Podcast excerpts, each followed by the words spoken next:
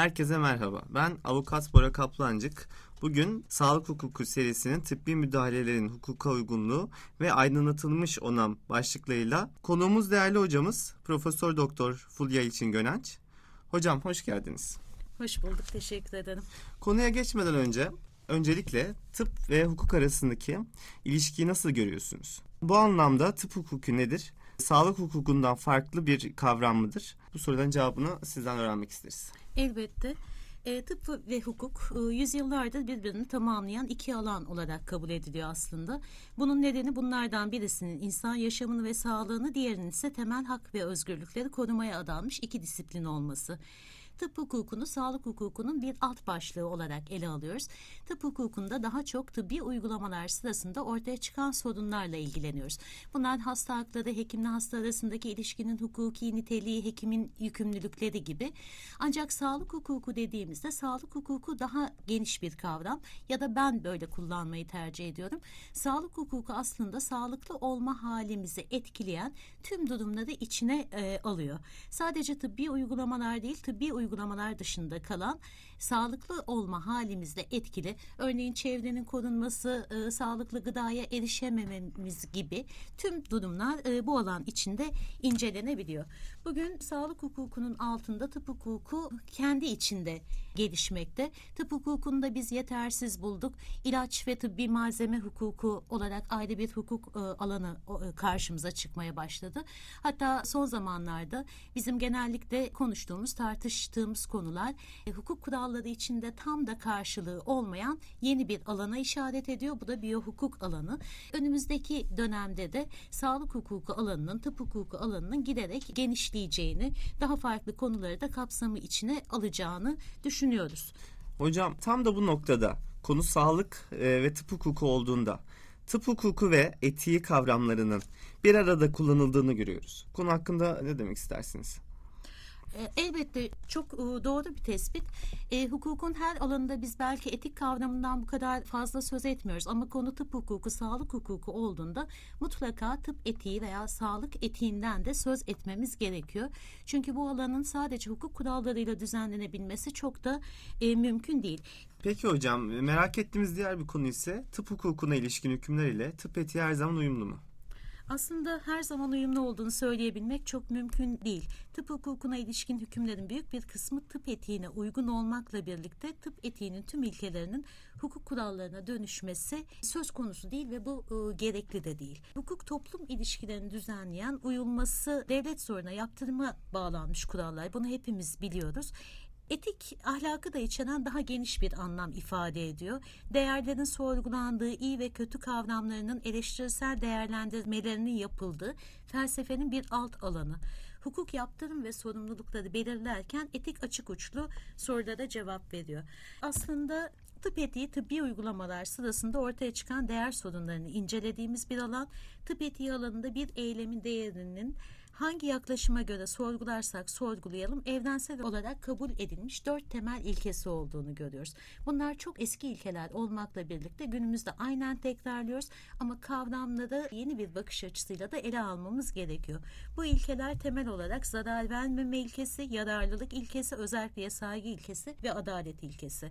Baktığımız zaman zarar vermeme elbette çok önemli bir ilke ama bugün herhangi bir tıbbi müdahalenin hastaya hiç zarar vermemesi sadece yarar sağlaması neredeyse mümkün değil. Özellikle teknolojinin gelişmesiyle birlikte yapılan müdahalelerin hastalar üzerinde yaratacağı etkilerin sadece olumlu olması da çok mümkün olmayabiliyor. Bununla birlikte bu ilkelerden e, biri ve bizim bugün de konuşacağımız aydınlatılmış onamın sağlık hukukundaki yansıması olan aslında özelliğe saygı ilkesi çok temel ilkelerden biri ve tıbbi müdahaleler bakımından asla vazgeçemeyeceğimiz ilkelerden biri. Sağlık hukuku kavramlarına geçmeden önce aslında biraz e, etik sorunlardan söz etmenin uygun olacağını düşünüyorum. Etik sorunların kaynağını tespit etmek önemli. Sorunları çözebilmek için kaynaklarını tespit etmemiz gerekiyor. Bugün etik ihlallerin bireysel uygulama kaynaklı olabildiğini görüyoruz. Mesela hekimlerin, sağlık çalışanlarının kişisel ahlaki tutum, inanç ve yaklaşımları, sektör baskısı, hasta hasta yakınları baskısı bireysel uygulama kaynaklı sorunlara yol açabiliyor.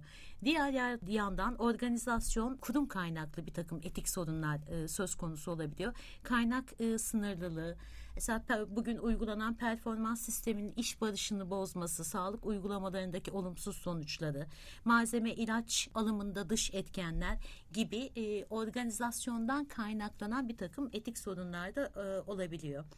E, hukuken belirli olmayan konularda da etik ikilemlerin arttığını görüyoruz ki e, bu konular belki biraz sonra bunlardan söz etme imkanımız e, olabilir.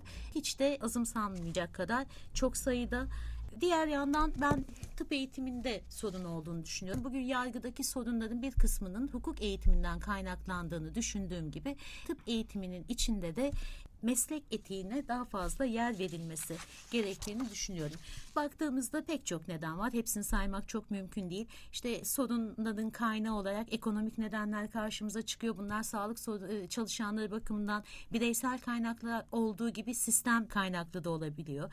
E, sağlık çalışanlarının çalışma şartları, mesleki riskleri önemli. Bu arada sorunların kaynaklarından biri de bu. Sağlık yöneticilerinin etik tutum ve davranışları çok belirleyici ve çok da etiğe uygun olmayan yaklaşımlarını görebiliyoruz. Ve şunu kabul etmek gerekiyor ki etik ilişki dediğimiz bu ilişki sadece hekimle hasta arasında değil. Hekimlerle diğer sağlık çalışanları arasındaki ilişki, hekimlerle ilaç firmaları, tıbbi malzeme firmaları arasındaki ilişki ve e, hekimlerle toplum arasındaki ilişki. Tüm bunları etik açıdan tekrar incelemek gerekiyor. Hukukçular bu noktada önemli. Çünkü tıbbi uygulamalar bakımından aslında hukukçu tavrı da etkili olabiliyor. Gereksiz olarak açılan davalar, verilen kötü yargı kararları, yanlış hukuki düzenlemeler sağlık uygulamasında bir takım e, sıkıntılara yol açabiliyor. Bir de son olarak aslında burada medyadan söz etmek istiyorum. Hekimlerin medyatik olma kaygıları, medyanın kötü sağlık haberciliği pek çok etik soruna hatta hukuki soruna yol açıyor. Medyayı kullanma isteği hekimlerin veya medya tarafından kullanılma isteği bugün çok yaygın. E, bunların her birini ayrı ayrı ele almamız gerektiğini düşünüyorum. Peki hocam yani bu tüm tıp hukuku ve etiği kavramları ve kurallarına rağmen uygulamalar sırasında hastaların zarar görebilme ihtimali söz konusu. Bir tıbbi müdahalenin hukuka uygun olabilmesi için hangi koşulların olması gerekir, oluşması gerekir? E, Şimdi şöyle tabii tıbbi müdahale kavramını aslında biz hukukçular çok geniş olarak ele alıyoruz. Tıbbi müdahalenin tam bir tanımını yapmak da mümkün değil. Çünkü tıbbi müdahale kavramı da zamana göre değişen bir kavram. Teknolojinin değişmesiyle, gelişmesiyle birlikte daha önce dokunulamaz, e, müdahale edilemez dediğimiz insan varlığına müdahale edebiliyoruz.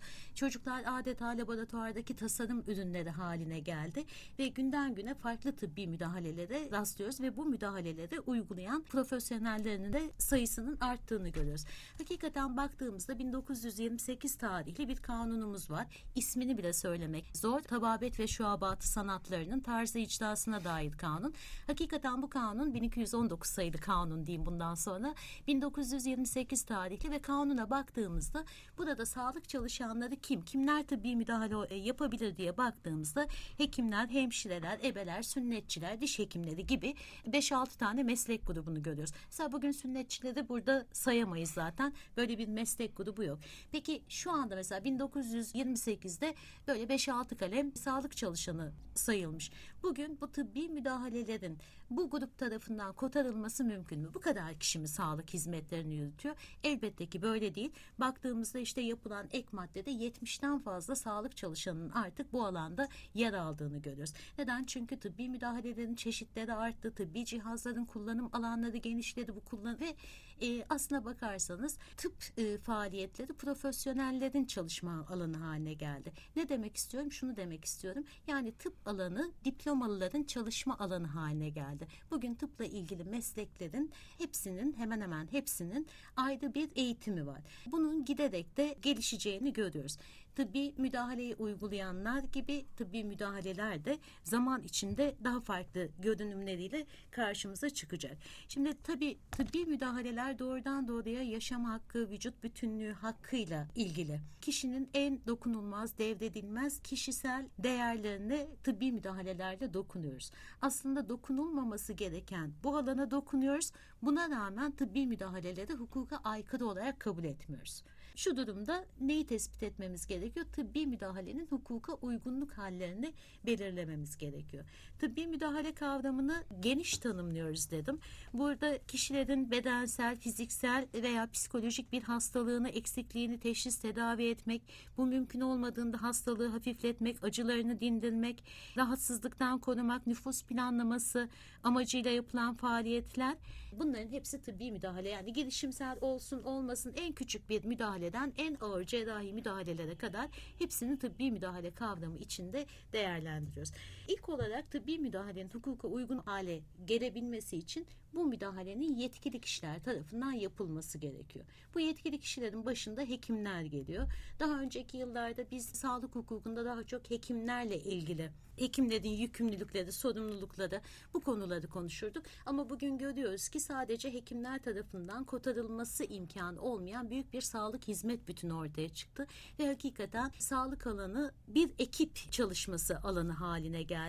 Yetkili kişiler tarafından müdahalenin gerçekleştirilmesi derken hekimler ve hekimler dışındaki sağlık çalışanlarından söz ettik. Ama her müdahale bakımından da konunun ayrıca ele alınması gerekiyor. Bazı müdahalelerin sadece uzman hekimler tarafından yapılması mümkün. Tıp mensubu olmayan birinin ya da tıp mensubu olmakla birlikte uzmanlık alanında bulunmayan bir müdahaleyi gerçekleştiren kişinin yapmış olduğu eylem hukuka aykırı olacaktır. Diğer bir unsur hukuken öngörülmüş amaçlara yönelik olması. Bu ne demek? Aslında şu anlama geliyor. Tıbbi müdahalelerin hukuken öngörülmüş amaçla yönelik olması tıbbi müdahalelerin hukuki sınırlarını belirliyor. Daha açık söylemek gerekirse tıbbın sınırlarını hukuk belirlemeli midir veya hukuk mu belirler? Evet biraz da böyle. Pek çok tıbbi müdahale var ancak bunların bir kısmının tıbben mümkün olanı daha doğrusu hukuken yapılamaması da söz konusu. Tıbbi müdahaleler doğrudan doğruya tedavi amacına yönelik olabilir veya dolaylı olabilir bir acıyı dindirmek, hastalıktan korunmak için yapılan müdahaleler olabilir. Estetik amaçlı müdahaleler olabilir. Cinsiyet değişikliği, yapay döllenme, nüfus planlamasına yönelik müdahaleler de hiç şüphesiz bu kapsamdadır. Bunlar hukuken öngörülmüş amaç kapsamında ele alınabilir. Ama size şöyle bir örnek vereyim. Örneğin in vitro fertilizasyon, tüp bebek uygulaması. Tüp bebek uygulamasına ilişkin bizim hukukumuzda bir düzenleme var ve tüp bebek uygulamasını in vitro fertilizasyonu bizim düzenlememiz, hukuki düzenlememiz sadece evli çiftlere uygulandığı noktada kabul ediyor. Burada bir sıkıntı yok. Yani tüp bebek uygulaması bir karı ve koca evli çifte uygulanabilecek yasal bir müdahale. Tıbben çift evli olmasa müdahalenin şekli ve yöntemi değişir mi? Hayır. Ama hukuk ne diyor? Sen bu müdahaleyi sadece evli çifte uygulayabilirsin. Eğer kişiler evli değilse uygulayamazsın. O zaman tıbben yapılacak işlem değişmemekle birlikte hukuk müdahalenin kimlere yapılabileceği şeklinde sınırlar koyuyor. Bu yaklaşım tabii bizim etik olarak çok tartıştığımız başka konuları beraberinde getiriyor. Yani tıbbi müdahalelerin sınırları hukuk tarafından nereye kadar konulabilir? Hukukun buradaki görevi nerede başlar ve nerede biter? Aslında şunu da söylemek gerekiyor daha önce yaşadığımız olumsuz deneyimler, işte bilimsel deney ve denemeler, klinik ilaç araştırmaları açısından yaşanan sorunlar bizim bugün daha tedbirli olmamız gerektiğini bize hissettiriyor.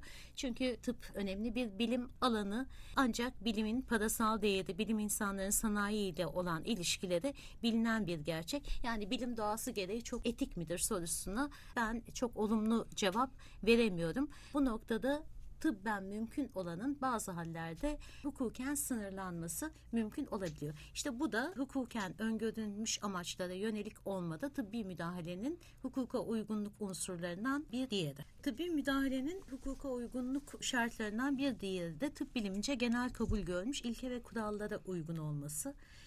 Hekim aslında uygulayacağı yöntemi seçme hakkına sahip olmakla birlikte tıp biliminin gerektirdiği şekilde hareket etme yükümlülüğü altındadır. E, hekim tıp alanındaki gelişmeleri izleyerek hastalıklarla mücadelede benimsenen uygulamaları bilmek durumundadır. Yani aslında hekim tıbbi müdahalenin türünü ve şeklini belirler tıbbi bilgisi ve deneyimi doğrultusunda. Henüz uygunlukları tam olarak belirlenmemiş ve genel kabul görmemiş bir takım uygulamaların hasta üzerinde uygulanabilmesi özellikle ayrı bir konudur. Peki hocam yeni uygulamalara imkan sağlayacak bir durum yok mu? Böyle gelenekçi bir yaklaşımdan mı gitmesi gerekiyor? Aslında çok doğru bir soruyu soruyorsunuz. Çünkü biz tıp bilimince kabul görmüş ilke ve kurallardan söz ettiğimizde yerleşmiş ve gerçekliği kabul edilmiş uygulamalardan söz ediyoruz. Bununla birlikte tıp bilimi o kadar hızlı ilerliyor ki yeni tedavi yöntemleri, yeni uygulamalar ortaya çıkıyor ve biz bunu da bir hasta hakkı olarak kabul ediyoruz. Yani benim mümkün olan en yeni tedaviye erişme hakkım. Bu da da tabii işte tıp al- uygulamalarında hep yaşadığımız çelişkilerden birini daha yaşıyoruz. Hem tıp bilimince kabul görmüş uygulamalardan söz ediyoruz hem de aslında bizim en yeniye erişme hakkı olduğumuzu söylüyoruz.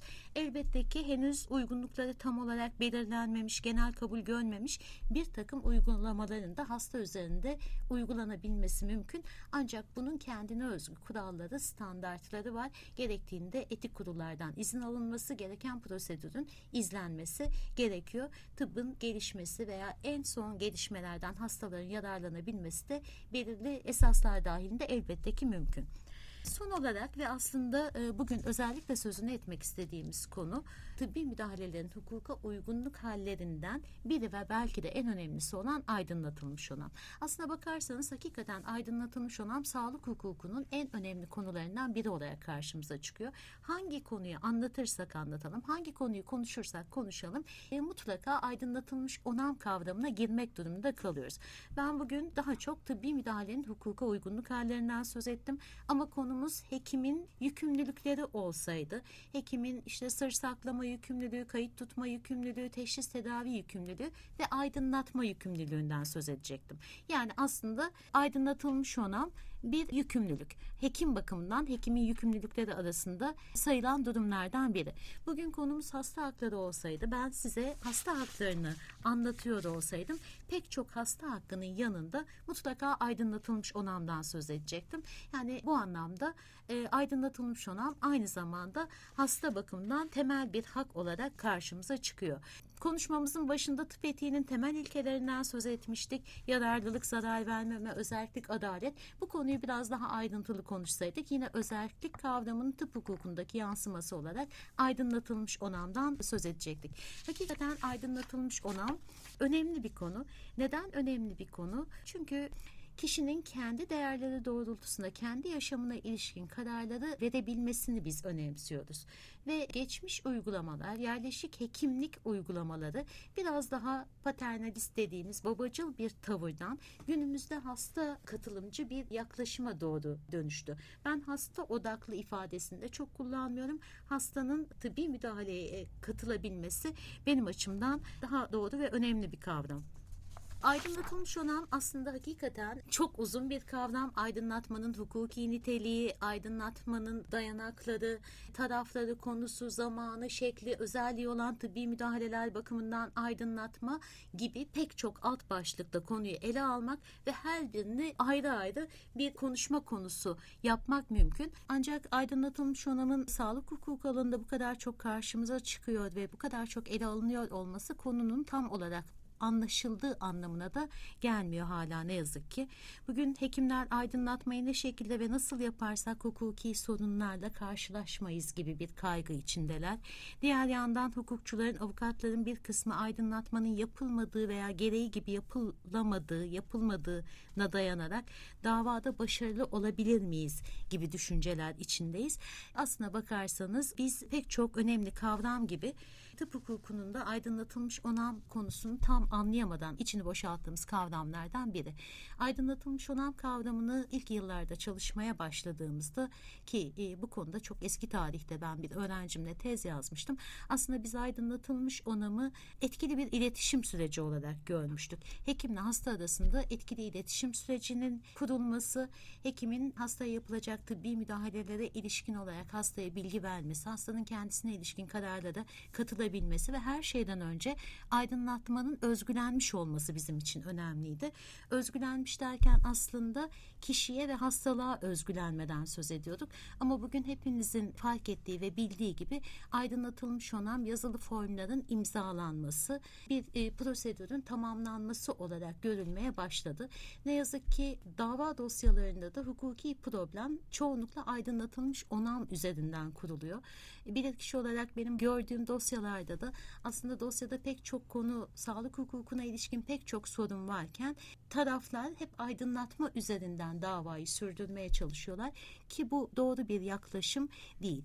Hastanın aydınlatılmasında temel amacı bunu neden yaptığımızı kavramamız gerekiyor. Yani bunun altında yatan düşünceyi görmemiz gerekiyor. Bunun içinde tabii bir kültürel değişim yaşamamız gerekiyor. Aslında biz hastayı aydınlatmak gerektiğini söylerken hastanın kişilik haklarının korunması gerektiğinden söz ediyoruz.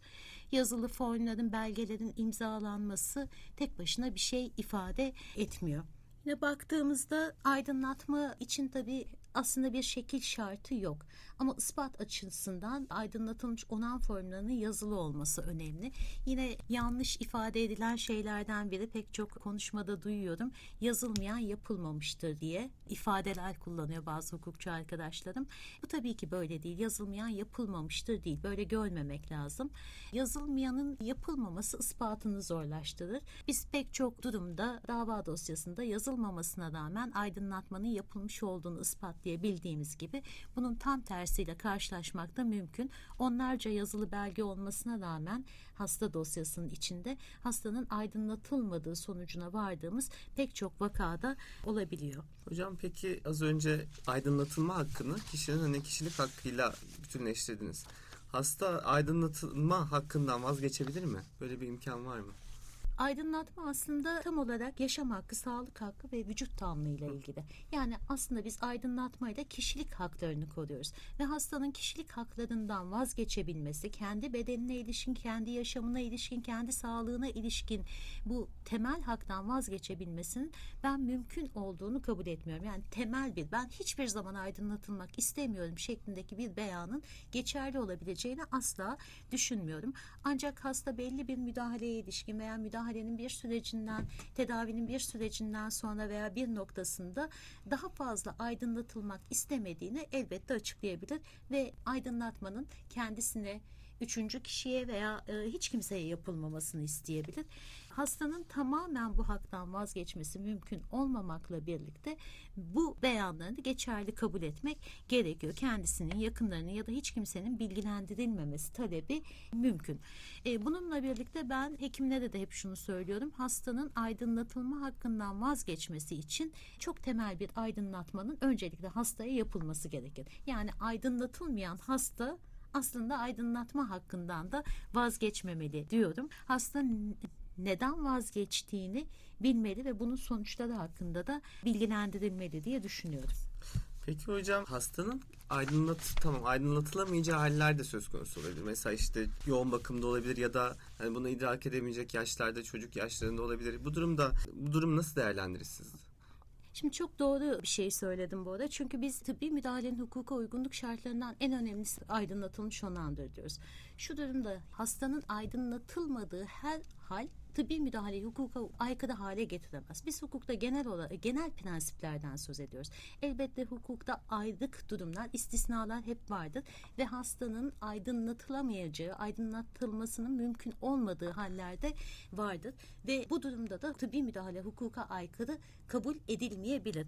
Bu durumlar hangileri olabilir? Hepimizin bildiği gibi hastanın bilincinin kapalı olması, özgün iradesini oluşturacak veya aktaracak yeteneğe sahip olmaması durumunda hastanın aydınlatılmasından ve aydınlatmaya dayanan bir rıza vermesinden e, söz edebilmek çok da mümkün değil. Bu durumda genellikle bilinç kaybına uğramış ve derhal tıbbi müdahalede bulunulması gereken bir hasta söz konusu olduğunda hastanın hayatı ve hayati organlarını tehdit eden bir durum söz konusu olduğunda hastanın aydınlatılması aydınlatılmasından söz etmek de mümkün değil. Böyle bir durumda hastanın durumunun gereği yerine getirilmeli ve hastaya müdahale edilmelidir. Bu hiçbir şekilde hukuka aykırı olmayacaktır. Yani acil aslında aydınlatmanın kapsamı, süresi, aydınlatmaya ilişkin tüm konular tıbbi müdahalenin niteliğine göre değişiyor. Biz bugün çok genel bir aydınlatmadan söz ediyoruz ama aslına bakarsanız ben işte derslerimde artık her tıbbi müdahaleye ilişkin aydınlatma hususunu ayrı ayrı anlatıyorum.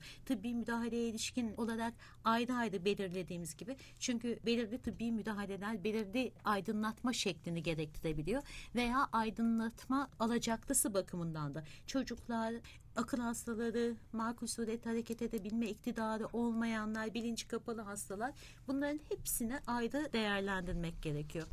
Mesela hasta anestezi altında ve ameliyatın genişletilmesi veya ameliyat yönteminin değiştirilmesi gerekliliği ortaya çıktı. Bu durumda hekim operasyonu bırakıp hastanın ayılmasını bekleyip aydınlatmadan sonra mı müdahaleye devam edecek? Ha, olmayacak. O- Bu olmuyor veya her zaman olmuyor ama inanın bu da müdahaleye göre değişiyor. Yani ameliyatın genişletilme ihtimali varsa zaten bu yüksek bir ihtimalse hastanın ameliyattan önce bu konuda aydınlatılmış olmasını arıyoruz. Ancak cerrahi müdahaleler bugün görüntüleme teknikleri tıp ne kadar gelişirse gelişsin cerrahi müdahale anında ortaya çıkan yeni bir durum olabilir ve ameliyatın genişletilmesi tıbbi bir gereklilik olabilir. Bu durumda hastanın aydınlatılmasına olanak olmayabilir. Böyle bir durumda da bu müdahaleyi hukuka aykırı saymamak gerekecektir.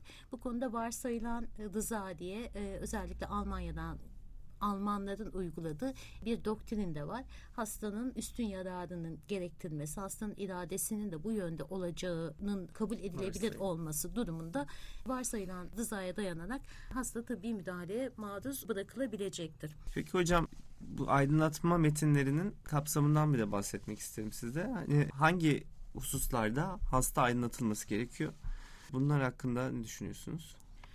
Aslında şöyle bizim hukukumuzda aydınlatma konusu ayrıntılı olarak düzenlenmiş. Özellikle hasta hakları yönetmeliğinde 1998 tarihli bizim yönetmeliğimiz 2014 tarihinde yönetmelikte önemli değişiklikler oldu. Bu değişikliklerin en önemli kısmı da aslında aydınlatmaya ilişkinde ve bilgilendirmenin kapsamı da yine hasta hakları yönetmeliğinde düzenlendi ve son derece geniş bir kapsam belirlenmiş oldu. Yönetmeliğe baktığımızda hastaya hastalığın muhtemel sebepleri ve nasıl seyredeceği, tıbbi müdahalenin kim tarafından nerede ne şekilde nasıl yapılacağı, tahmini süresi, diğer tanı ve tedavi seçenekleri, bu tedavi seçeneklerin getireceği fayda, riskler, hastanın sağlığı üzerindeki etkileri, bence de en önemlisi muhtemel komplikasyonları, tıbbi müdahalenin komplikasyonları, hastanın müdahaleyi reddetmesi durumunda ortaya çıkabilecek muhtemel fayda ve riskler, kullanılacak ilaçların özellikleri, sağlığı için kritik olan yaşam tarzı önerileri, gerektiğinde aynı konuda tıbbi yardıma nasıl ulaşabileceği filan gibi çok geniş olarak bir aydınlatma kapsamı belirlendiğini görüyoruz. Peki bu kapsam önemli ve gerekli mi? Bence de önemli ve gerekli. Peki uygulamalarda ben kendime şimdi bir soru sorayım veya sizlere bir soru sorayım. Sizler de düşünün. Peki hepimiz biliyoruz işte hastanelerdeki, sağlık merkezlerindeki uygulamaları özellikle yoğunluğu olan hastanelerde bu kadar geniş kapsamlı bir aydınlatmanın hastaya yapılabilmesi mümkün mü günümüz koşullarında?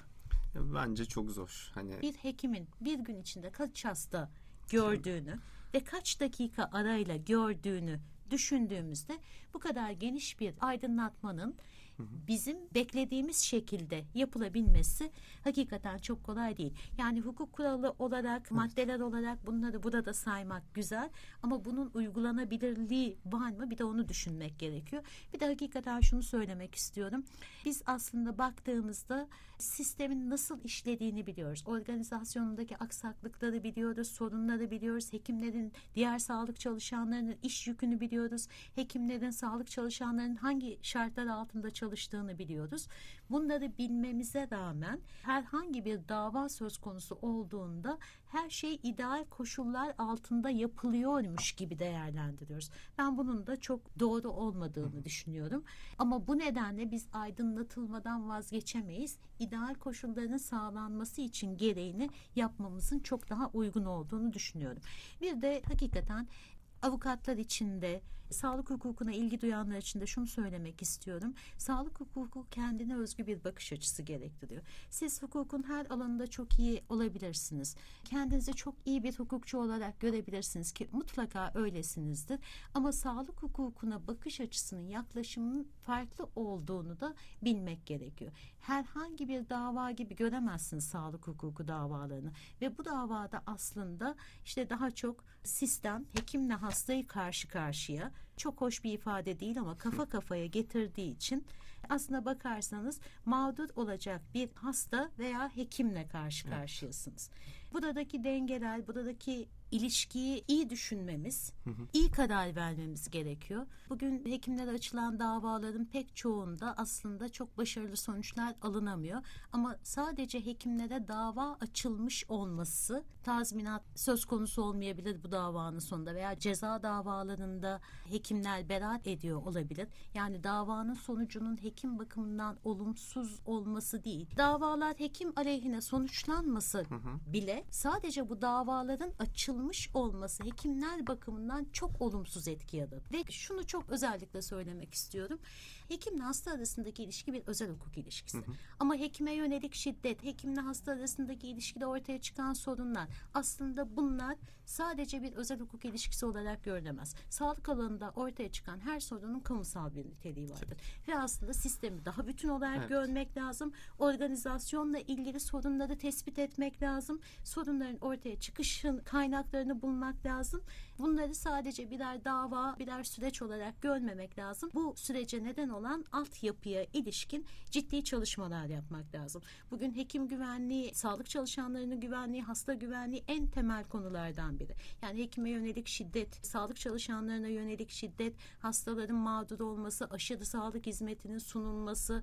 Bugün dünyada en fazla görüntüleme cihazlarına sahip olan ülkelerden biri ülkemiz. Yine baktığınızda işte cihazların kullanım sayısı çok fazla. Hepimiz yıl boyunca 8 kere en azından acile gitmiş görünüyoruz. 12.8 kere hekime gitmiş görünüyoruz. Bu rakamlar çok fazla ve bunlar sürdürülebilir değil.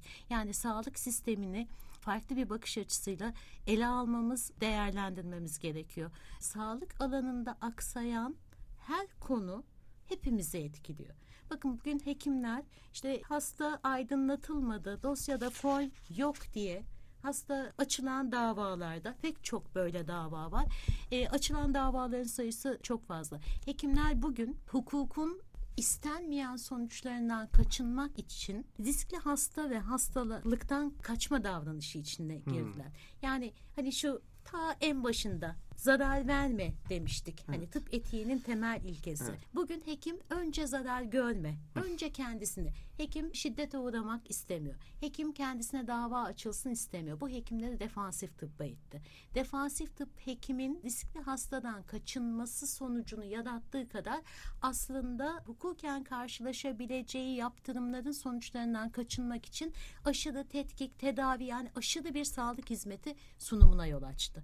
Bu ekonomik olarak sürdürülebilir değil ve kabul edilebilir değil. Bugün hakikaten çok sorunla karşı karşıyayız sağlık sisteminde ve ben şunu düşünüyorum. Bugün hani günlük yaşamın medikalize edilmesi benim çalıştığım, ilginç bulduğum konulardan biri. Günlük yaşamın medikalize edilmesi bana göre nasıl bir sorunsa tıbbi yaşamın bu kadar hukukileştirilmesi de bana göre bir sorun. Sadece Yani insan davranışları hukuk kalıpları içinde her zaman belirlenebilen davranışlar değildir. Özellikle tıp gibi çok farklı sorunların yaşandığı, çok hızlı kararları alınmasının gerektiği bir alanda her şeyi hukuk kurallarıyla düzenleyemezsiniz. Bu nedenle aydınlatılmış onamdan söz ediyoruz. Tıbbi müdahalenin hukuka uygunluğundan söz ediyoruz. Diğer anlatımlarda mesela kişisel sağlık verilerinin korunmasından söz ettik. Bunları hukuk kurallarıyla yapamazsınız. Bunları köklü bir anlayış değişikliğiyle yapmanız gerekiyor. Temel olarak bakış açısını değiştirmemiz gerekiyor. Kültürel bir değişiklik yapmamız gerekiyor. Biz neden hastayı aydınlatıyoruz? Biz hastanın kişisel sağlık verilerini neden koruyoruz? Bu yasa gerektirdiği için değil. Burada yatan temel nedeni görmek ve buna saygı duymak gerekiyor. O açıdan aydınlatılmış olan bugün sağlık hukukunun en önemli kavramlarından biriyken aslında hekimler bakımından en önemli sorunlardan biri haline geldi ki biz bunu hiç istemezdik. Aydınlatma kavramıyla ulaşmak istediğimiz amaçtan çok farklı noktalara gelmiş olduk. Aydınlatmanın şekli yok aslında. Ama baktığınızda yazılı bir belge yoksa aydınlatmanın yapılmadığı yani bunun ispatı çok zor olduğu için veya aydınlatma o kadar kapsamlı ki bu kadar yoğun iş yükü altında bir hekimin bu aydınlatmayı yapabilmesini beklemek Hastanın çok da algılayabilmesini e, beklemek çok da e, gerçekçi değil. Evet. Peki aydınlatmayacak mıyız hastayı? Elbette aydınlatacağız. Anlayabileceği şekilde Daha tıbbi terimlerden uzak olarak bu etkili iletişim sürecini kuracağız. Hasta ile hekim arasındaki güven ilişkisini kuracağız. Bu anlamda aydınlatmanın önemli olduğunu düşünüyorum. Konu çok. Evet. Aydınlatma zaten çok uzun bir konu. Haklısınız hocam. Anladığım kadarıyla aydınlatılmış onam kavramı sadece bir sağlık hukuku ya da tıp etiğinden de öte ilk başta bahsettiğiniz sağlık etiği kavramının aslında içerisinde değerlendirilmesi gereken çok geniş ayağı olan bir konu olduğunu anladım ben. Politika ayağı var, hastane yönetim ayağı var, işte üçüncü kişiler ayağı var. Yani bu hususlarda değerlendirilip buna yönelik çalışmalar yapılması belki de daha etkili olacaktır. Aa, evet düşünüyorum. Boda çok teşekkür ediyorum katkın için. Hakikaten benim sağlık hukuku alanına girmesini istediğim, yaygınlaşmasını istediğim kavramlardan biri de sağlık etiği kavramı. Çünkü biz sağlık hukukundan tıp hukukundan, tıp etiğinden söz ediyoruz. Ama sağlık etiği çok duyduğunuz ve bildiğiniz bir kavram değil. Bu kavramı neden e, vurgulamak istedim? Çünkü sağlıkta etiğe uygun davranışı sadece sağlık hizmet sunucularından bekleyemeyiz. Ne demiştik? Tıp etiği tıbbi uygulamalar sırasında ortaya çıkan değer sorunları. Ama tıbbi uygulamalar sırasında dediğimizde etiğe uygun davranmasını beklediğimiz kişiler de bu uygulayıcılar oluyor. Oysa sağlıkla ilgili politikalardan, sağlıkla ilgili yapılan yasal düzenlemelerden, kurumsal ya da kamusal programların yapılanmalarından dolayı da ortaya çıkan pek çok sorunla karşı karşıyayız. Toplumsal düzeyde alınan kararların, uygulanan politikaların sorunların temelinde yer aldığını fark ettiğinizde bu kavram tıp etiği kavramı yetersiz oluyor. Bu nedenle sağlık etiği kavramı daha geniş bir kavram.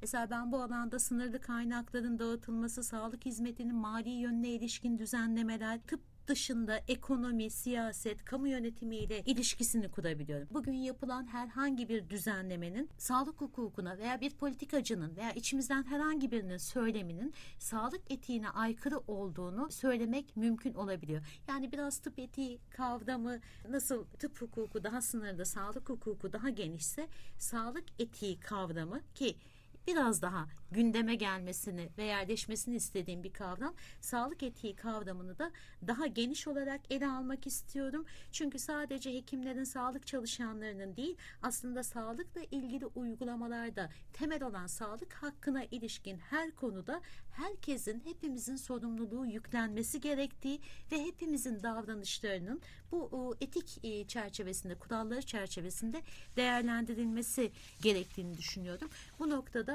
aslına bakarsanız işte kanun koyucu da, politikacı da, sağlık hizmet sunumuna ilişkin ekonomik analizleri yapan da veya bu alanın finans kısmıyla ilgilenen de herkesin bu etik ilkelerle bağlı olması için böyle bir üst kavramı belki biraz daha fazla gündeme sokmak gerekiyor. Hocam son olarak eklemek istediğiniz hususlar var mıdır? Evet aslında çok şey var ama zaman yok. O zaman son olarak şunu söyleyeyim. Her şeyden önce sağlık hukukunun ayrı bir disiplin olduğunu bugün herkes kabul ediyor ve etmeli. Sağlık hukuku hukukun tek bir alanı ile ilgili değil. Anayasa hukuku, ceza hukuku, idare hukuku, özel hukuk, kişisel verilerin korunması hukuku tüm bunlarla ilgili. Ve daha da önemlisi aslında sağlık hukuku sadece hukukla da ilgili değil. Bugün biyomedikalden tutun tıp bilimi gibi pek çok alanla da sağlık hukuku yakın. Sağlık ekonomisi, sağlık yönetimi tüm bu alanlarda. Yani hem çok disiplinli hem de disiplinler arası bir alan ve sağlık hukukunu ayrı bir disiplin olarak ele alıp çalışmamız gerekiyor. Sağlık hakkının gereği gibi yerine getirilmesi ki en temel insan hakkının sağlık hakkı olduğunu söylüyoruz. Hepimize özellikle de hukukçulara çok büyük bir rol düşüyor. Bu noktada en son şunu söyleyebilirim. Sağlık hukukuna ilgi duyan, sağlık hukukunda çalışmak isteyen herkesle eminim bir gün karşılaşacağız. E, bizim hepinize kapılarımız açık. Bu program için çok teşekkür ediyorum. Herkese sevgilerimi iletiyorum. Biz çok teşekkür ederiz.